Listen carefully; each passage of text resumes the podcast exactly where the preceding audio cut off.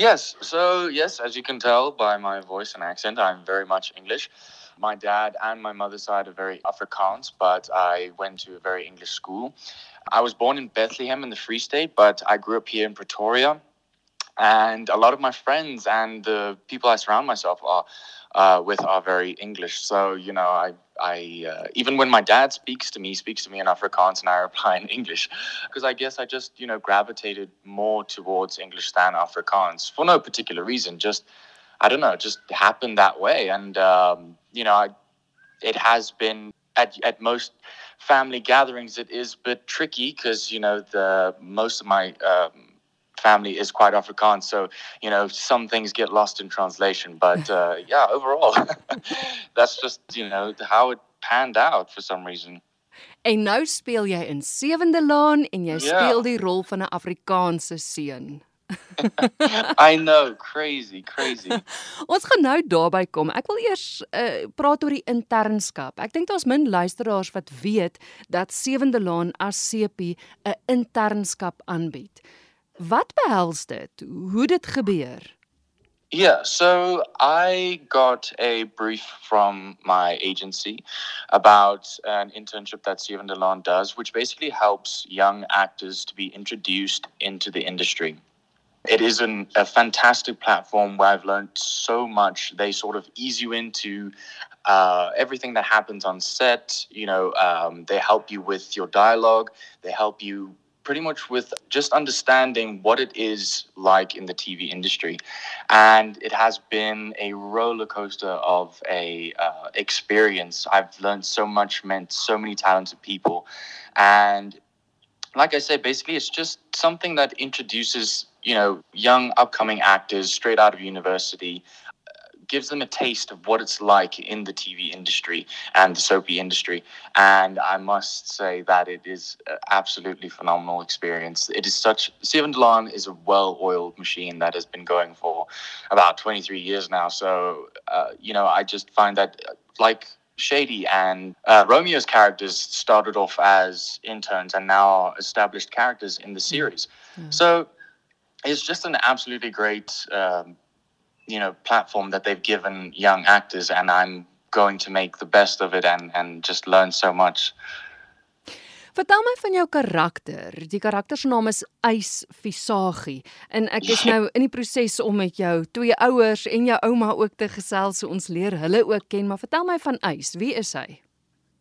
Ace is quite the rowdy character. He's a player, he's, you know, outspoken, he is a social butterfly. He he's very cheeky, uh, you know, and he has a very sort of uh, bad boy, you know, aura about him. But he's very, uh, he's got a very good moral high ground. He's got good principles. So, you know, he has those redeeming qualities. And um, I think there are going to be stages in the series where, you know, the, the audience slaps their face because you know he makes silly decisions because he's young and he's vibrant and he's he's got so much energy that he brings into the series. But you know he he does have a solid background uh, and good parents that taught him well. So you know I think he's going to be a very lovable character that people you know really get to know and like. Mm. Ek wil praat oor die taal. Ons almal yes. kan hoor jy het 'n dik aksent. Hoe speel jy in Afrikaans. Wat is die proses om Afrikaans voor te kom en eg Afrikaans te wees as jy so Engels is? So, you know, I've heard that my Afrikaans can come off a little bit uh, having an English uh, twang to it. Mm-hmm. But, you know, they have dialogue coaches on set, which really help me to understand the more conversational type of Afrikaans because I have a habit of over pronunciating some of the R's and, and, and uh, words. So, you know, it really helps with my background with uh, mimicking voices and impressions because I'm able to pick that up quite easily in the nuances of, of, of the language. And I use certain phrases and shape of the mouth to get into speaking Afrikaans properly. And I do a lot of tongue twisters beforehand just to warm my mouth up. Um, so yeah, I it, it has been quite a challenge, but I'm up for the challenge. I love it. It's it's so incredible, and hopefully, you know, when you watch the the series, you don't pick up that I'm all that uh, English and that I do good job in in in convincing you that Ace is extremely Afrikaans. oh, oh.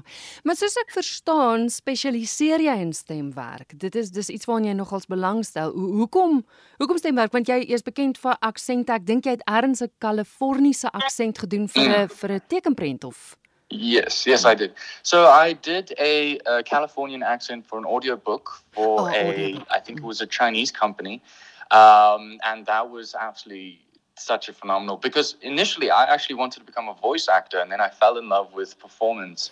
So, you know, hopefully, you know, at some point I fulfilled that you know, childhood dream of becoming a voice actor. Um, and, you know, it, it was just something that, you know, naturally came to me. I would watch television and then mimic the voices that I heard on the television. And yeah, I mean, relating that to the Afrikaans that I speak on the show, like I said, my family's quite Afrikaans, so I can mimic them quite, you know, often. And that's been something that I've heard my whole life. And yeah, I I frequently try and do uh, as many impressions as I can, um, just to keep up with, you know, how my mouth shapes around the words and the phrases. Mm. Ek moet mm. tog die storie met jou deel. Ek het mm. nou die dag met met Hanelie Warren gesels wat jou ouma speel in Sewende Laan. Yes. En sy vertel my dat iets gebeur op stel en na dit het sy die hoogste agting vir jou as akteur. Jy was blykbaar 'n uur laat gewees op stel. En almal was mm. redelik bekommerd, maar toe jy daar. Ja. aankom, die rede was omdat jy in 'n redelike ernstige motorongeluk was. Yeah, yeah, I was. Um, that morning, because uh, for some reason, uh, you know, during the holiday season, uh, you know, I was I was very excited for the fact that the highways would be less busy, and uh, for some reason, it seems like people then just sort of, you know, are less cautious on the roads because there are less cars, and uh, I found myself in a collision whereby a taxi had blown its uh, rear tire, and the man in front of me didn't see that they had stopped on the highway, which is very much dangerous. And I collided into his rear end, and to say the least, I was I was very distraught and taken aback. But I was very determined to get back on set because I knew I was late. Uh, so my aunt actually came to pick me up, and then I was dropped off on set. And funny enough, you know, I I did have some injuries, but they weren't bad at all. I'm very grateful for the fact that I'm came out having very limited um, injuries, but it actually helped distract me from the collision to go to work. It was very much something that helped me not think about it too much. I got invested into what I was doing when I got to work, and the absolute such a beautiful reception when I got there. Everyone was very concerned, very um, helpful in helping me, very patient as well when I was doing my scenes. But yeah, I was I was determined to keep going that day, which I'm proud of myself for. Ja, jy weet dit spreek boekdele van jou as akteur, né? Because the show must go on. the show must go on. Daniel, wat is jou groot drome. Ek meen jy jy is nou op 'n plek waar jy ongelooflik baie kan leer. Jy is nog verskriklik mm. jonk. So eintlik om ja. nou al te vra wat jou drome, maar ja, jy klink vir my na 'n man met ambisie. Wat is dit wat jy wat jy graag wil bereik? I would love to just I don't see myself in sort of I don't envision myself in uh, any place particularly, but I just want to be the best version of myself, the best actor I can be. And wherever that takes me, I'm going to embrace it fully and full heartedly. Um, like I said before, I would love, absolutely love to one day do some voice work for an animation or any sort of uh, a voice work whatsoever, because that, that was the dream way back when. But I have felt fallen in love with performance. I would love to do some theater work in my future.